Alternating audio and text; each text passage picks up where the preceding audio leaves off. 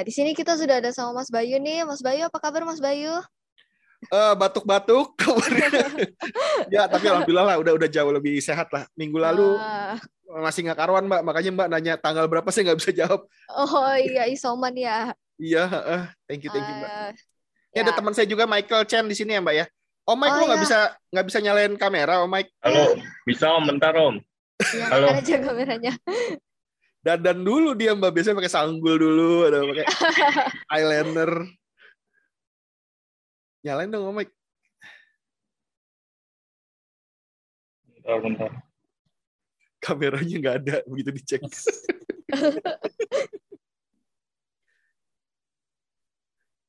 Om kan nyalain kamera tinggal pencet Om. Lu kan tinggal pencet stop video sama start video Om. Nih, nih gue pencet deh. Tuh, hilang ya kan? Nih gue. Ke mana? Ketemu nggak Om tombolnya? Gak error nih om. Ya udah kalau error nggak apa-apa, nggak usah. Nggak apa-apa, nyusul aja nggak apa-apa. Ya udah nyusul tak kalau nggak error Om. Nah, ya. ya, kita mulai dari Mas Bayunya dulu aja kali ya. Ya, ya. Eh, Kira-kira Mas Bayu ini sudah hobi mainan sejak kapan sih Mas? Siapa sorry? Hobi mainan? Iya, hobi kayak ya apa ya sebenarnya kayak Dari. SD, Mbak. dari SD kalau hobi mainan. Namanya anak cowok ya dari dari dari kecil lah pasti lah kalau hobi mainan ya zaman action figure dulu masih ya SD lah pastilah namanya cowok Oh. gitu. Tapi ngomong ini apa nih konteksnya apa dulu kalau hobi mainan sebagai eh, dolanan keren gitu ya itu dari 2018 dolanan kerennya. oh Nah, tapi kalau ditanya hobi mainan sejak kapan ya dari kecil ya mbak ya? Cowok mainan pertama yang kira-kira Mas inget nih yang dari kecil. Dulu mainan pertama Spider-Man sih. Tapi yang boot, bootleg ya karena nggak mampu beli yang eh, ini mainan pertama waktu kecil berarti kan ya? Iya, waktu kecil. Iya iya iya iya. Spider-Man dulu action figure tapi bootleg eh, yang bajakannya gitu ya karena nggak mampu beli yang asli sih kayak gitu. Eh, ya. SD kelas 3, kelas 4 lah paling. Nah. Hmm. Terus Mas tertarik ke dunia customnya nih, custom mainan nih. Eh, dari Mas pribadi ya, belum dolan keren musiknya. Itu Ah, tuh kok- Hah? Gimana? kira-kira gimana ya Mas ya? Maksudnya apa Ah. yang bikin Mas tertarik? Nah, ini Mike- Michael udah nongol mukanya. Iya. ya jadi kalau kalau dunia custom sebenarnya memang Dolan Keren juga tadinya awalnya bergerak dari custom ya, customizer mainan gitu ya. Jadi dulu itu sekitar 2016 2017 gitu ya. Eh, saya sama teman-teman founder Dolan Keren gitu, salah satunya namanya Ulum Ri- Rizal Ulum, tapi dia nggak bisa join hari ini gitu ya. Heeh. dia itu kita bikin customizer mainan untuk eh, spare part dari statue biasanya. Misalkan ada statue Thanos misalkan gitu ya statue Thanos buatan let's say XM Studio misalkan gitu ya Eh, si pemilik statue ini kurang suka nih kurang kurang serak sama desain kepalanya misalkan. Nah kita custom. Oh, lu mau lu mau lu mau desain kepala kayak gimana? Kayak begini. Lu bisa nggak bikinin? Kita bikinin. Kita bikinin 3D-nya kita print kita eh, painting kita fitting ke dalam body atau eh, apa namanya statue-nya gitu ya. Bikin kunciannya jadilah. Itu berawalnya kayak gitu tuh. Terus- Oh, Terus juga sama Michael Chen juga eh, waktu waktu lagi viral-viralnya Pak Ahok gitu ya. oh Terus iya. eh, Pak Jokowi gitu juga bikin ya Om Mike ya. Gitu Iya. tapi tapi pakai pakai pakai brand lain lah, pakai bendera lain gitu kurang lebih. Itu, itu juga itu juga lumayan rame sih, lumayan lumayan eh, seru lah kayak gitu. Itu berarti sekitar 2016 ya Om Mike ya. 2016 17 ya kira-kira ya. Ini, ini, ini Pak Ahoknya masih di sini nih. Nih Pak Ahok. lengkap dengan lengkap dengan ID eh, waktu dia masih gubernur gitu ya, kayak gitu. oh ya di museum kita ada juga itu koleksinya. Oh, ada juga ya? itu. Oh, Iya. ini, ini yang bikin nih yang kacamataan ini. Ini yang bikin jadi sekalian aja tanya-tanya noh. Itu sih Mbak Nah. lebih. Haha. Terus Terus kita ke dolanan kerennya sekarang. ya ya. Kira-kira eh, ini sejarahnya gimana sih kok bisa bikin brand dolanan keren? Kan awalnya kan tadi Mas bilang kan bikin spare partnya tapi masih pakai apa ya sebutannya ya? Brand lain ya istilahnya ya. Iya, iya, iya, iya. Jadi waktu spare part ya lebih ke kebutuhan Custom custom ya? orang ya. Nggak, Hmm. eh, misalkan contohnya, eh gue punya hot toys gitu ya, tapi gue pengen, eh, misalkan gue punya hot toys, hot toys Iron Man gitu ya. Ya. Tapi bisa nggak lu ganti modif kepalanya si eh, Robert Downey apa Robert Downey Junior jadi pala gua. Nah, itu kan custom tuh dulu kayak gitu tuh. Oh, Bisa, bisa nggak masalah gitu kan. Lu kirim aja bodinya ntar kita fitting, kita bikinin eh, based on muka lu misalnya gitu kan. Ini kalau mbaknya kemarin lihat ada Axton Salim, dia jadi Oh, iya. Stormtroopers gitu kemarin karena dia hobi Uh. banget sama Star Wars. Kayak gitu. Nah, tadi kalau balik ke pertanyaan eh, dolanan keren sejak kapan? Sebenarnya pakai nama dolanan keren itu dari 2018. Jadi waktu itu saya sama Ulum eh, bikin hadiah buat Hideo Kojima, eh, game kreator Jepang gitu ya. 2018 itu saya bikin action figure buat mereka, buat dia lah gitu. Eh, Di hari ulang tahunnya saya serahin langsung tanggal 24 Agustus 2019. Nah, itu juga jadi hari lahirnya Dolan Keren tuh kurang lebih tuh saat itu tuh. Eh, jadi kita Oh. kasih, dia happy, ya udah lanjut tuh sampai akhirnya tahun depannya di bulan Agustus juga. Tadi kan 2018 ya. ya. 2019 Agustus gitu ya. Itu Gundala meledak, booming. Gitu loh. Gundala booming jadi salah satu apa eh, film superhero yang digadang-gadang bakal bakal gede lah gitu ya universe-nya segala macam bakal gede gitu ya karena reveal-nya waktu itu gede-gedean gitu. Nah, Oh. Michael Chen ini adalah eh, art director lead-nya nih buat Gundala tersebut gitu loh. Kita kita ngobrol, kita rembukan dari trailer yang ada, dari eh, bocoran-bocoran internet yang ada. Ini ini kita ngomong belum official waktu itu ya Oh. eh, dari dari dari informasi yang ada gitu ya. Kita bikin prototypingnya, kita presentasiin ke tim Bumi Langit. Mereka nggak kepikiran tadi wah action figure gitu kan. Tapi kita datang, kita ngobrol, dia ngeliat in hand prototype-nya bagus gitu ya. Eh, dan mereka kasih izin untuk kasih lisensi untuk eh, apa namanya jual secara pre-order. Nah, testing the water lah gitu. Waktu itu target kita nggak nggak nggak muluk-muluk lah dengan dengan dengan prototype yang ada kita open PO ya paling laku 20 30 juga udah oke lah gitu kan. Udah udah good banget gitu kan. Kita open waktu itu Agustus ternyata laku banget Mbak. Eh, dalam hitungan menit gitu ya kayaknya nggak sampai lima menit itu kita open di Tokopedia batch pertama kita sok-sok pede jual 50 tapi sebenarnya targetnya cuma 30 gitu. Eh ternyata sold out dalam hitungan menit tuh. Karena momentumnya pas waktu itu lagi lagi day one eh, premiernya tuh waktu itu. Reveal semua juga eh, action figurnya terus eh, eh, kita juga ikutan ke gala premier. Jadi momentum momentumnya pas lah. Ya, Wah. habis itu sold out. Eh, banyak yang minta batch 2, batch 2, batch 2 gitu. Ya udah kita bikin batch 2 another 50 juga sold out. Total total sekitar 150-an lah. Total total ya.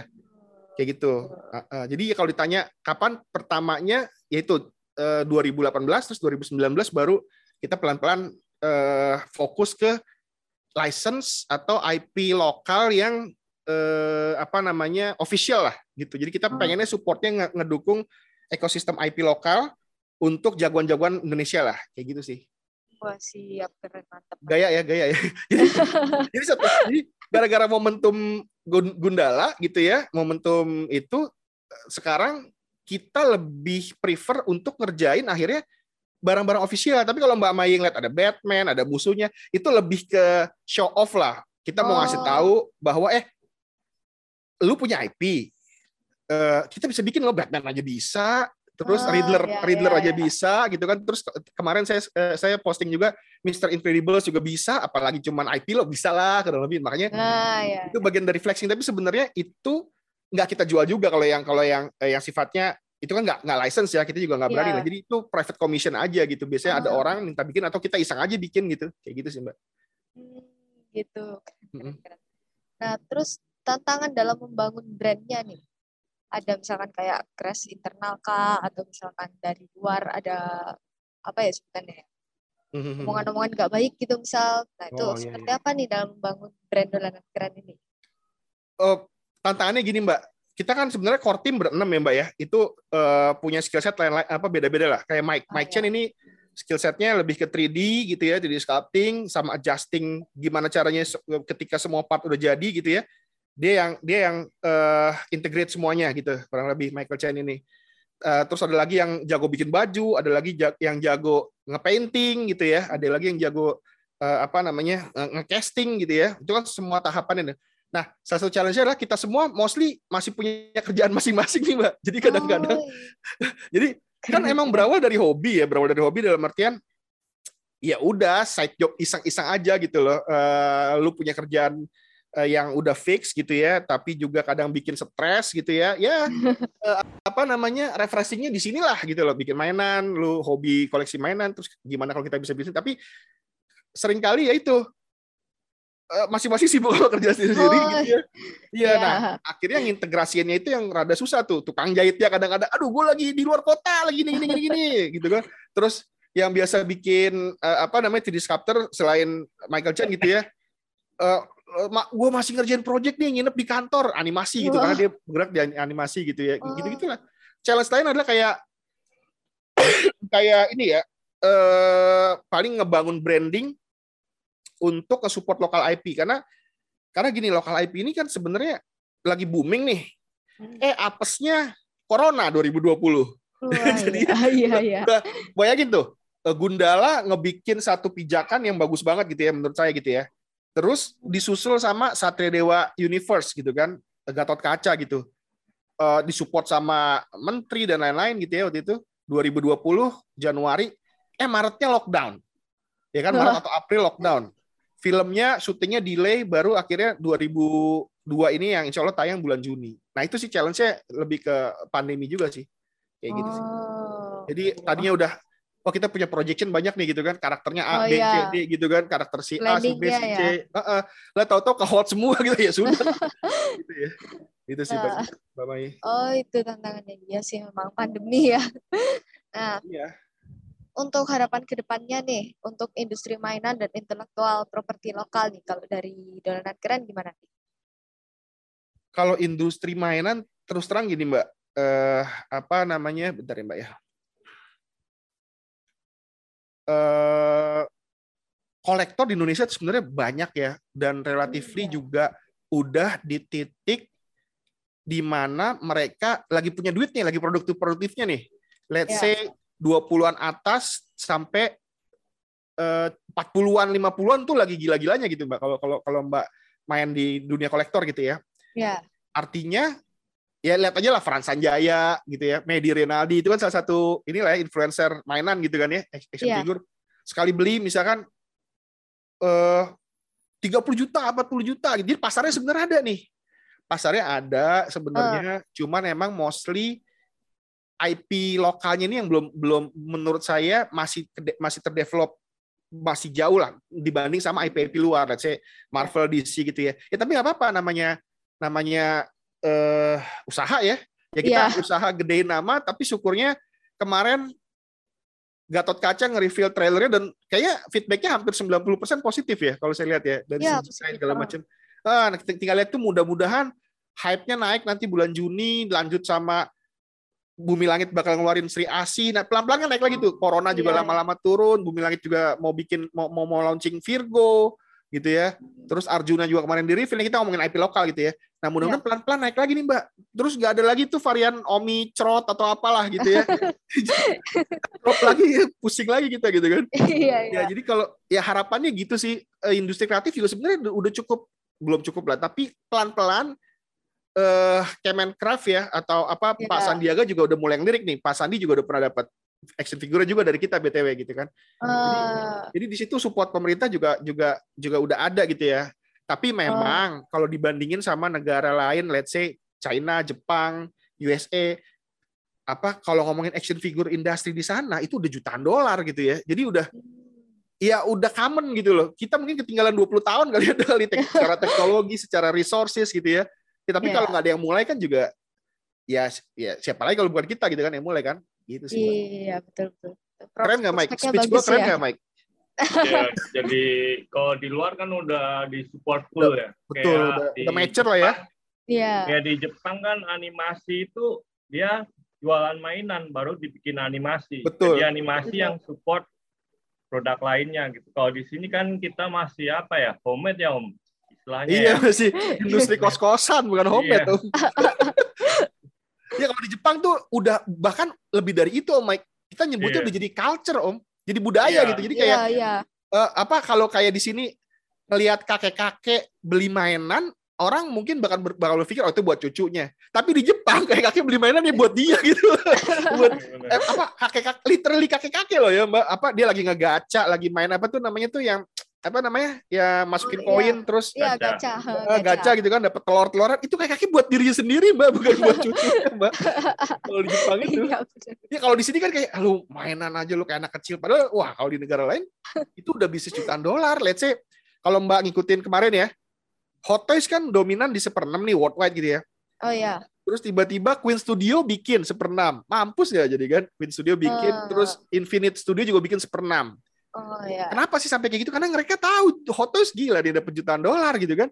Kita ambil lah kuenya gitu kan. Main juga dia. Jadi kalau Mbak kemarin lihat The Batman itu saya jadi ngomongin IP luar ya. The Batman itu eh varian scale seperenamnya dibikin at least sama tiga vendor mainan gede loh. Wah, Jadi bersaingnya udah udah jadi ibaratnya kayak si A punya seperenam, si B seperenam, si C. Kalau kemarin kan cuma Hot Toys doang nih seperenam mostly gitu kan. Sekarang udah Iya. saingannya udah makin gila karena dia tahu industri gede, kolektornya juga di titik di mana kolektor-kolektor ini lagi lagi banyak-banyak duitnya nih, Mbak. Kayak gitu. Hmm, Anak-anak peminatnya seumuran- juga ya. Anak-anak Heeh. 80, 90 gitu kan lagi di titik produktif nih sekarang gitu kan. Gitu sih. Iya, oke oke. Itu ya jadi ya harapan ke depannya ya untuk industri dan inte- intelektual properti ini. Yes. Kalau untuk keren sendiri sebenarnya karakter yang sudah diproduksi nih. Secara kasarnya kira-kira sampai berapa sih? Sudah berapa sih karakter yang diproduksi? kalau ngomongin eh official license Ya. yang dijual secara mass produce gitu ya, eh, dijual secara pre-order tapi based on apa sorry mass produce berdasarkan pre-order gitu ya.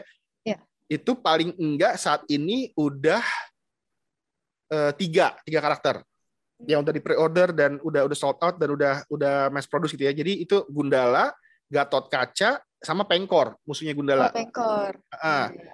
Tetapi kalau ngomongin IP lokal, seenggaknya on top of tiga itu kita kerjasama sama eh, Skylar Comic. Skylar Comic tahu ya? Skylar Comic itu Iya. kita kita bikin kita bikin Valentine. Kalau udah pernah nonton filmnya Valentine gitu ya, eh, action figure Valentine, Iya. terus Sakti ya, Sakti Valentine, terus on progress nih duet maut. Ini duet maut bukan bukan penyanyi dangdut ya. Jadi jadi duet maut nih ini keren loh. Ini konsepnya kayak Ghostbuster-nya Indonesia lah gitu. Hmm. Nanti nanti di di stay tune aja nanti kita kita reveal gitu duet maut terus sama Vault. Oh, ya. Tetapi tetapi karakter-karakter ini sama Skyler masih berupa prototyping. Jadi eh, buat koleksi mereka dulu gitu ya, eh, belum diproduksi secara massal gitu ya. Jadi eh, sifatnya masih prototype lah. Di luar dari Skyler ada juga bareng Troop of Dooms. Troop of Dooms ini eh, Mecha Blade namanya. Itu ada juga kita posting lah beberapa bulan lalu. Terus juga ada jadi ada berapa tuh di? Mereka shock. Mecha Shock, Mecha Shock juga satu karakter gitu ya. Terus apalagi oh Mike, gue lupa. Om. Oh, Sak, eh, Lang Sakti dari NPC Komik, Lang Sakti. Eh, terus mana lagi? Yang Kobas itu apa ya? Oh iya Kobas, eh, punyanya Kobas ya, punya Kobasuki Surojo dia punya IP itu Lightman sama Iron Samurai. Kayak gitu. Apalagi oh Mike, gue lupa. Om. Oh iya on, ongoing progress sama Warkop sih lagi nah, Warkop ini Oh, mungkin kita akan produ- production. Iya Warkop eh, Warkop DKI Dono Casino Indro tapi referensinya based on mereka waktu masih muda nih, masih Oh iya. 80-an lah, 70, belum 80 Iya, ya. iya. Ya, 80-an something lah gitu. Itu sih. Jadi kalau dihitung berapa saya lupa mungkin di atas 10 lah Mbak kurang lebih. Tapi yang udah udah production ya itu baru baru tiga lah. Oh, siap, siap. Nah ini Sekarang yang bikin aku- nih Michael Chan ini nih yang bikin. Oh, Iya. keren, keren, keren. Nah, sekarang aku mau masuk ke proses pembuatannya nih, Mas. Iya, Proses pembuatannya tuh urutannya gimana sih, Mas? Dari pertamanya gimana gitu? Om Mike deh jelasin nih Om Mike. Nanti gua Iya. dulu yang ngomong. Kalau kita awalnya dari 3D dulu ya, dari 3D sculpting, setelah itu kan 3D print ya. Ah, Nah, nanti untuk finishingnya kita masih manual sih, jadi diamplas lagi, ditambah clay lagi. Gitu. wah homemade beneran berarti ya. Iya, jadi kadang satu project itu bisa dua tiga kali print gitu kan dari digital ke fisik kan pasti ada beda-beda dikit ya. Iya. Hmm. Jadi Iya. untuk benar-benar fitting itu bisa dua tiga kali print. Setelah itu baru kalau udah fix ininya size-nya apa baru kita test pen, kemudian di molding and casting dicetak. Nanti cetakan itu yang untuk produk kita gitu. Hmm, kalau per tahapnya sendiri nih, kira-kira memakan waktu berapa lama nih buat bikin sampai jadi Eh, satu mainan? Lama sih. Berapa lama Om? Kalau kalau timeline duration itu sebenarnya banyak faktor ya Mbak ya. Eh, ka- misalkan dari complexity of desainnya, dari desainnya seberapa seberapa kompleks, gitu kan. Setelah desainnya seberapa kompleks, kadang approval klien juga itu ngaruh banget. Jadi tektokan tuh, pingpong pingpong Oh. tektokan gitu ya. Eh, dari 3D-nya kan kita misalkan 3D nih, ini 2D gitu kita bikin kita dari 2D dari desain yang dia kasih gambar dua dimensi kita jadiin 3D. Nah, kadang kan pasti di 3D nih kita udah udah udah oke nih menurut kita tapi menurut dia ah, kurang miring kurang ini Oh, ya. padahal sebenarnya ya. padahal sebenarnya lah itu gambar 2D dulu kan kayak begitu ya gua ganti ya elah pusing Iya. deh kalau gua udah ikutin 2D lo lo ganti itu mah namanya bukan revisi emang lo revisi 2D lo aja sekali Iya, gitu yang bikin ada ada ya. tapi ya udah kita ada kita turutin lah jadi 3D-nya kita share kita eh, eh, kasih view beberapa angle terus dia coret-coret ini ganti ini kurang miring kurang apa revisi lagi bolak-balik kalau nanya timeline kurang lebih satu prototipe mungkin sekitar 3 sampai 4 bulan ya once prototype itu Iya. udah jadi once prototype itu jadi ya kita casting kita kita molding gitu ya nah itu akan jadi eh, item kedua ketiga dan seterusnya tuh jadi production lah jadi yang paling penting prototypingnya dulu kayak gitu Iya, cetakannya ya istilahnya ya. betul betul Patennya ya seperti itu ya. betul. yes Oke. betul. Nah, di antara semua proses itu tuh, proses yang paling sulit tuh, proses yang mana sih sebenarnya? Yang paling susah, yang paling makan waktu lama juga. semua punya tingkat kesulitan ya cuman Om Mike coba deh lu yang paling susah kayaknya mirip-mirip susahnya deh Om Kalau yang paling susah apa ya? Prototyping kali ya. bukan kan kan Jadi- dari sisi prototype kan face-nya banyak tuh Om Iya kan Ya, yang paling sering gagal kan biasanya nih pada saat kita nge- ngeprint ya kan adalah palanya peang gitu kan ngeprint lagi gitu kan Terus- gitu. iya kan ulang lagi gitu kan satu kali ngeprint aja itu mbak misalnya satu kepala ya mbak ya Oh, itu iya. bisa dua hari mbak dua hari nih tatakannya geser dikit palanya peang gitu. Kalau- berarti ya. kalau lagi kalau lagi apes listrik mati ya om Mike ya ulang lagi Iya, dari yang paling awal parah itu. wah gila lah itu itu makanya Tinggal Makanya satu jam kadang-kadang- listrik mati. Gitu. betul listrik mati gitu kan aduh ulang lagi dari awal gitu kan nggak boleh bergerak nggak boleh geser gitu ada gempa misalnya atau kecolek bocah gitu kan ya ulang lagi itu baru baru step keberapa tuh baru awal-awal tuh mbak ya kan U- Baru udah kedua udah ya. iya dari situ di mold kalau udah oke nih udah oke molding ke ke apa namanya molding ke silikon gitu ya Oh eh, ya. ke resin poliuretan misalnya gitu. Itu juga challenge lagi tuh. Udah jadi dicek ada bubble-nya ya elah ulang lagi. Aduh, atau ketipisan atau ketebelan, ya kan ulang lagi. Itu aja nge-casting gitu kan bisa seminggu ya Om Mike ya. Bener nggak? Iya, untuk kering moldnya itu. Iya, kering dengan sempurna gitu ya. Iya. Heeh. Waduh, kacau lah. Nah, ya ya itulah setiap step pasti punya kesulitan tingkat kesulitan sendiri-sendiri ya Mbak ya. Belum Oh. paintingnya. Painting nih udah bagus nih Mbak. Wih, skinnya udah bagus gitu ya. Skin tone-nya, rambutnya semua udah bagus. Pas bagian matanya geter gitu ya. Tahu-tahu jadi jereng gitu. Aduh. Jereng. aduh. Paling PR ya. Iya. Itu kan sedih Mbak. Kulitnya udah bagus, matanya jereng gitu ya. Kecuali emang itu superhero emang kekuatannya mata jereng gitu ya. Udah lah. Ya gitulah. Pasti ada Ya. stepnya. Oh, jadi tiap prosesnya ada sulitnya masing-masing berarti ya. Betul, betul. Iya. Dan itu dan itu saya perlu tekankan di sini. Itu semua kerja tim loh, Mbak. Jadi saya tuh nggak pernah ngeklaim bahwa itu si Bayu kerjanya gitu. Saya cuma jualan doang kasarnya gitu. Tapi itu kerja Hmm. tim tuh dari tiap tiap step itu tuh ada skill set atau ada eh, apa expertise sendiri-sendiri tuh. Oh, Ya tukang baju juga begitu gitu kan.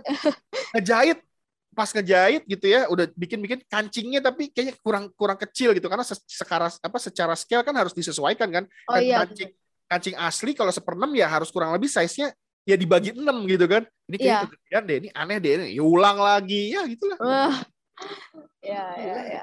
Jadi punya challenge sendiri-sendiri sih kalau ditanya, semua punya tingkat kesulitan sendiri-sendiri sih. Kayak gitu. Terus kalau dari karakternya, karakter yang paling sulit, paling rumit lah yang pernah dolanan keren buat ini. Karakter apa sih? Oh Mike mungkin Mega Oh, Shock ribet ya Om ya? Mega Shock ya. Mega Shock ribet. Kalau Mbak nanti coba cek aja Mega Shock, jadi mungkin Mbak bisa riset atau nanti saya kasih linknya gitu ya. Mega Shock itu eh, IP dari salah satu eh, tim kita juga gitu, namanya Yudi, Yudi Mega Shock. Dia punya YouTube juga. Oh. Uh, jadi dia punya IP sendiri, dia punya karakter sendiri, dia juga lagi nge-develop NFT sekarang gitu ya. Ini salah satu tim kita juga, cuma nggak bisa join hari ini. Dia punya IP, namanya Mecha Shock. Itu juga ribet tuh, tangannya robot. Uh, Eh. Desainnya keren lah, desainnya kayak Akira dicampur sama macem-macem anime lah. Nanti mbak lihat. Jepang gitu ya. Iya, Oh. cuman ya gitu beberapa challenge ya, ya itu. Karena sebenarnya gini, eh ya namanya masih industri rumahan gitu, mohon maaf gitu ya. Jadi ya secara skill kita juga mungkin belum sejago yang di luar gitu ya. Secara resources juga eh, teknologi juga kita belum punya pabrikan gitu ya. Jadi ya Oh, masih iya, masih iya. masih eh, homemade lah kayak gitu sih mbak. Oh ya. Khususnya kayaknya Mecha Shock sama Gatot Kaca nggak terlalu ya, Gatot tapi kaca lumayan kaca juga sih. lumayan ya karena parting armornya banyak ya. Hmm, Soalnya kan detailnya ya. kita kan manual ya. Kalau Hmm. pabrik kan mereka pakai metal mold, jadi cetakan itu besi kan nggak bisa geser-geser ya. Kalau Betul, kita kan betul. pakai silikon, Silikon. nah, silikon kan lunak tuh. Jadi Ya. kadang ada sedikit geser apa gitu, pas dikelopin gitu, Kagak nggak ini ya. klop, Iya Jadi harus di Hmm. fixing lagi. Gitu. Oh, berarti ya berarti banyak step, banyak kerumitannya ya di apa Iya. terus proses pembuatannya ya dari Iya, sa- satu kalau mainan dari- aja gitu. Kalau kayak kepala doang sih gampang kan, tinggal tancap gitu. Kalau Ah. yang snap-snap gitu agak ribet apa Iya, iya. dari proses snappingnya gitu. Karena kan Oh. Kaca armornya banyak ya mbak ya. Heeh. Hmm, ya ya. Part armornya. Hmm, Nah, sekarang kita masuk ke pertanyaan yang dikasih sama follower kita nih di question box kemarin di Instagram. Iya, siap siap. Jadi ada yang nanya nih, Mas. Selain Gundala dan Gatot Kaca, apa bakal bikin karakter lain nih yang dari Bumi Langit eh, dan dari, Pasti. dari Satria Dewa? Pasti jawabannya. Jadi tunggu aja kita udah dapat license-nya. Iya, asik gitu. Jadi tinggal tunggu aja lah. Kita belum bisa reveal intinya, tapi udah ada license-nya. Oh, tapi nanti bakal di-update ya di Instagramnya ya, di Pasti. @dolanan keren ya. Pasti. Iya, Mbak. Teman-teman semua yang nonton bisa banget nih di follow @dolanan keren. Thank you, thank you. Nah, apakah ada rencana nih buat bikin Super 12 yang Gatot Kaca atau Gundalan? Ada yang nanya gitu. Insya Allah. Karena terus terang asetnya kan bisa kita reuse, Mbak. Gundala Jadi oh udah aset- kan, ya, Om? ya. Kenapa, sorry? Gundala kan udah ya.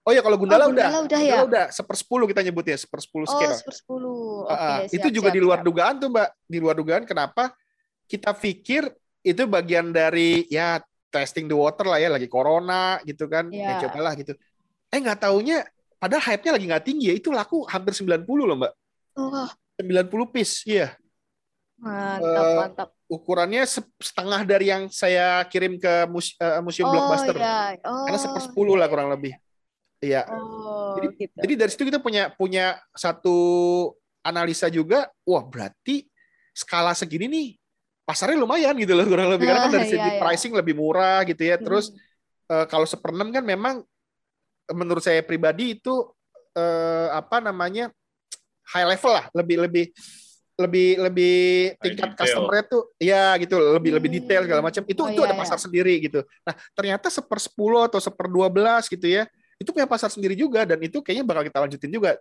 dengan menggunakan aset yang sama kan sebenarnya kan 3D asetnya sama paling ntar molding lagi cetak lagi tapi dengan size yang lebih kecil jadi kalau Oh, pertanyaannya bakal ada insya Allah ada sih Oh, Oke. Terus ada yang nanya nih, next project bakal bikin figur apa lagi? Nggak boleh kasih tahu kalau itu. Oh, Iya, soalnya ada NDA juga kita nggak boleh ngasih tahu tapi Bumi Langit Satria Dewa insya Allah pasti masuk beberapa karakter lain lah. Kita nunggu hype-nya dulu nih. Oh Kayak- iya ya. Eh, once hype itu ada enak ngangkatnya gitu sih mbak. Oh iya, jadi bisa ditunggu di Instagramnya ya @dolanan keren ya. ya siap. Nah, ke depannya ada kolaborasi spesial nggak nih dolanan keren? Misalkan X siapa gitu. yang udah kita reveal itu sama Pak De Indro ya sama Warkop Warkop DKI gitu ya Hmm. itu Oh, iya, official iya. gitu Ah, itu itu official kita lagi bikin progress head sculpt-nya gitu ya. Ya mudah-mudahan mungkin dalam waktu dekat bisa kita kita selesaikan prototipe-nya lah. Kayak gitu. Oh iya. Cuma ini iya. memang kan pasarnya ini limited ya dalam artian kayaknya angkatan saya sih tahu lah angkatan 80-an gitu ya, 70-an something. Tapi anak-anak anak-anak eh, baru gitu mungkin nggak tahu ini siapa gitu, tapi eh, Gen mungkin Z taunya gitu Pak istilahnya Indro ya. doang. Apalagi mukanya juga masih muda kan, kayak gitu. Iya, kan. iya. Nah, terus banyak juga nih yang nanya nih sampai masuk ke DM nih di Instagram kita.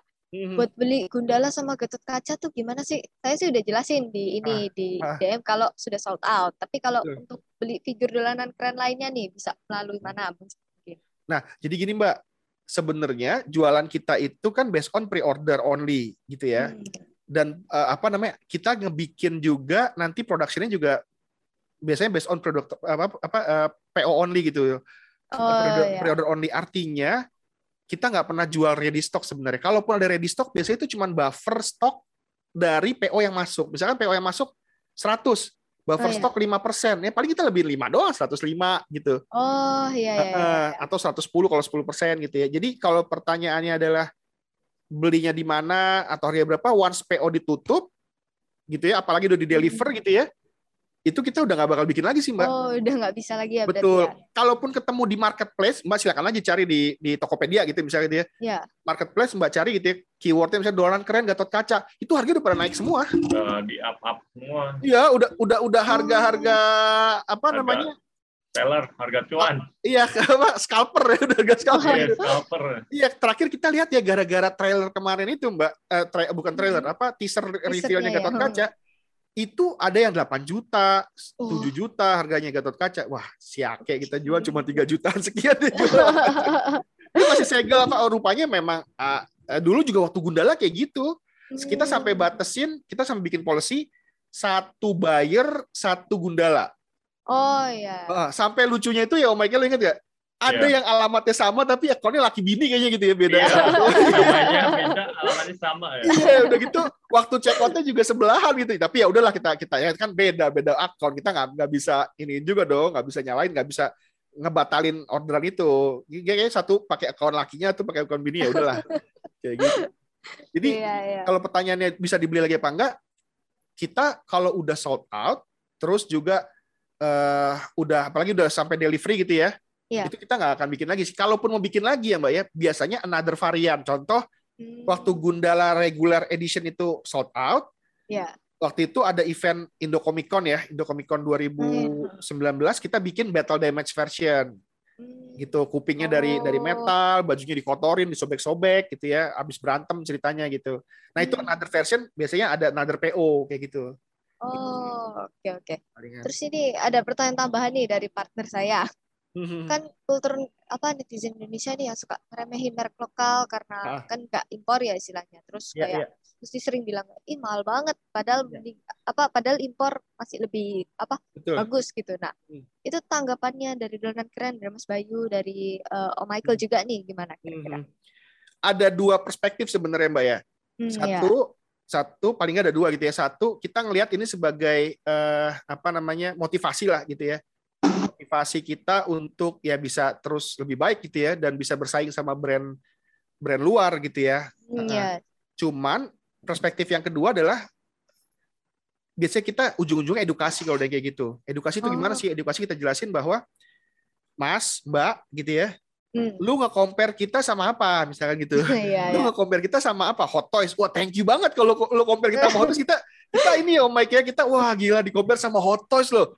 Yang industri puluhan juta dolar yang dia punya aset dari pemilik IP-nya langsung, teknologinya, resources-nya semuanya udah high end gitu ya.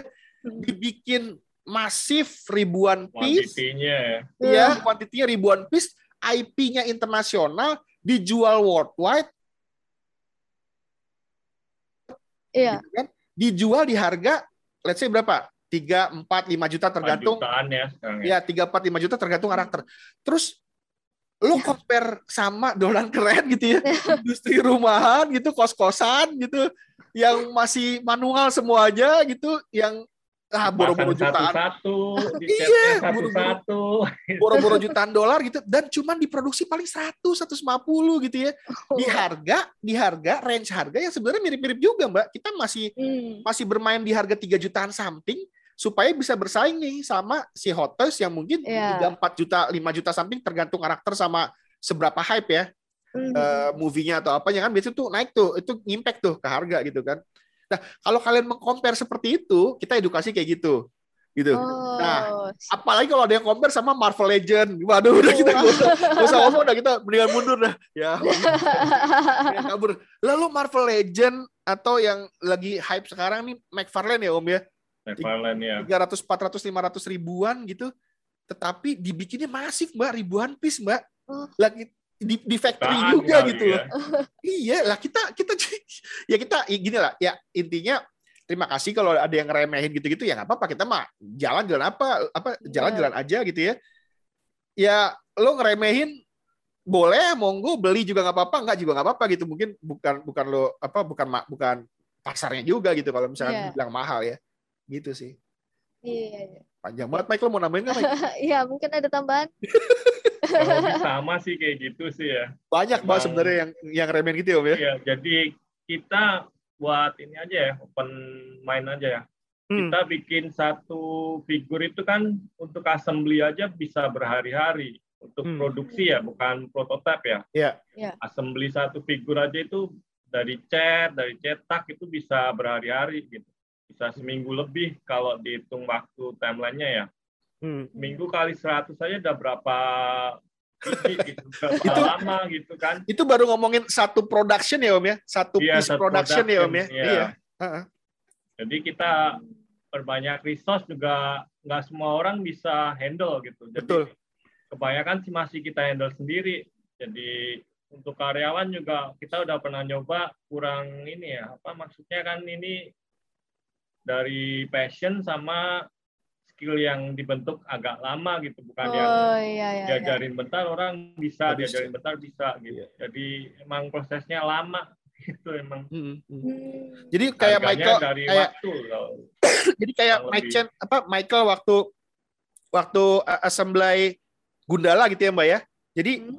ada body blanknya gitu ya ada bodinya gitu ya dipakein baju gitu ya dipakein Hmm. kepala di, dikasih sikut armornya segala macam misalnya gitu itu itu tuh waktu bikin satu aja tuh bisa tiga empat sampai sampai seminggu ya om Mike ya ngejas Iya. lagi ininya gitu. itu baru Jadi- jadi satu tuh. Baru jadi satu tuh. Gitu. nah bayangin ketika mereka compare sama Hot Toys misalkan. Itu di factory ya mbak ya. Kalau mbak bayangin ya Iya. itu di factory ada orang mungkin berapa puluh atau berapa ratus orang yang ngerjain itu gitu loh. Ada eh, ada 100 mic lah misalkan gitu ya yang ngerjain kayak gituan gitu. Iya karena mereka kan mesti bikin seribu atau berapa ribu piece gitu mbak. Kayak gitu Iya, produksi massal Makanya- gitu ya. Makanya kalau mbak perhatiin pre-order Batman kan dibuka nih Hot Toys The Batman. Itu rilisnya bisa dua tahun lagi mbak. Ini aja Iron Man gue baru rilis deh. Iron Man PO-nya dari Endgame kapan sih om? 2019 ya? 2020 ya? eh 19 kali 2020 om. ya? Endgame mah belum belum belum pandemi om. 19 ya? iya. Sekarang 2022 tiga tahun hype-nya udah hilang gitu ya. Baru datang mainannya kayak gitu sih Mm-mm. Oke, jadi pertanyaan tadi nih eh, itu adalah penutup dari interview kita hari ini. Makasih banyak buat Mas Bayu, buat Om Michael udah Iya, mau iya. thank apa you ngeramein channel kita, udah mau ngeramein Iya. undangan kita juga. Makasih banyak. Jadi ya sampai di situ interview kita. oke oke Sama-sama Mbak.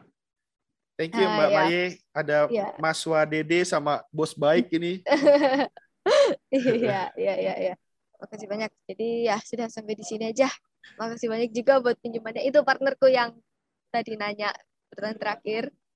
Oh iya iya. Ini ini ini Masnya yang yang suka jadi model di IG-nya ya. Eh, tapi tapi video video terakhir ini kocak banget tuh yang apa sambil nyanyi terus tiba-tiba ada yang nyaut ya itu ya. Oh, Itu iya. serem banget sih itu. serem banget itu. Aduh, ini Masnya Masnya juga yang rekam ya kemarin ya. Si- siapa siapa Slimer ya? Slimer Uh, ya. Slimernya Ghostbuster ya? Slimer. Iya, Iya. Slimer Ghostbuster kocak banget. Kaget gue. Siapa tuh tadi? Iya. Thank you, thank you Mas. Thank you, thank you, thank you. Dolanan keren. Oh Michael, Thank you thank you. Sukses Ya. terus. Sukses ya, thank you ya. Siap, thank you. Teman-teman semoga bisa ketemuan. Thank you. Itu tadi interview kita sama dolanan keren. Gimana? Seru nggak? Sekali lagi nih, makasih banyak buat Mas Bayu dan Om Michael buat kesediaannya di interview dan buat dolanan keren secara keseluruhan untuk kolaborasinya. Jangan lupa buat di follow Instagram kita di @blockbuster Museum Surabaya dan @dolanan keren buat update-update selanjutnya dari kita. Buat yang ketinggalan live GoPay kita, video hari ini juga akan diupload di YouTube dan versi audionya di Spotify Blockbuster Museum Surabaya. Terima kasih buat nonton penonton dan pendengar sekalian udah mau dengerin aku akhir. See you in the next episode. Bye.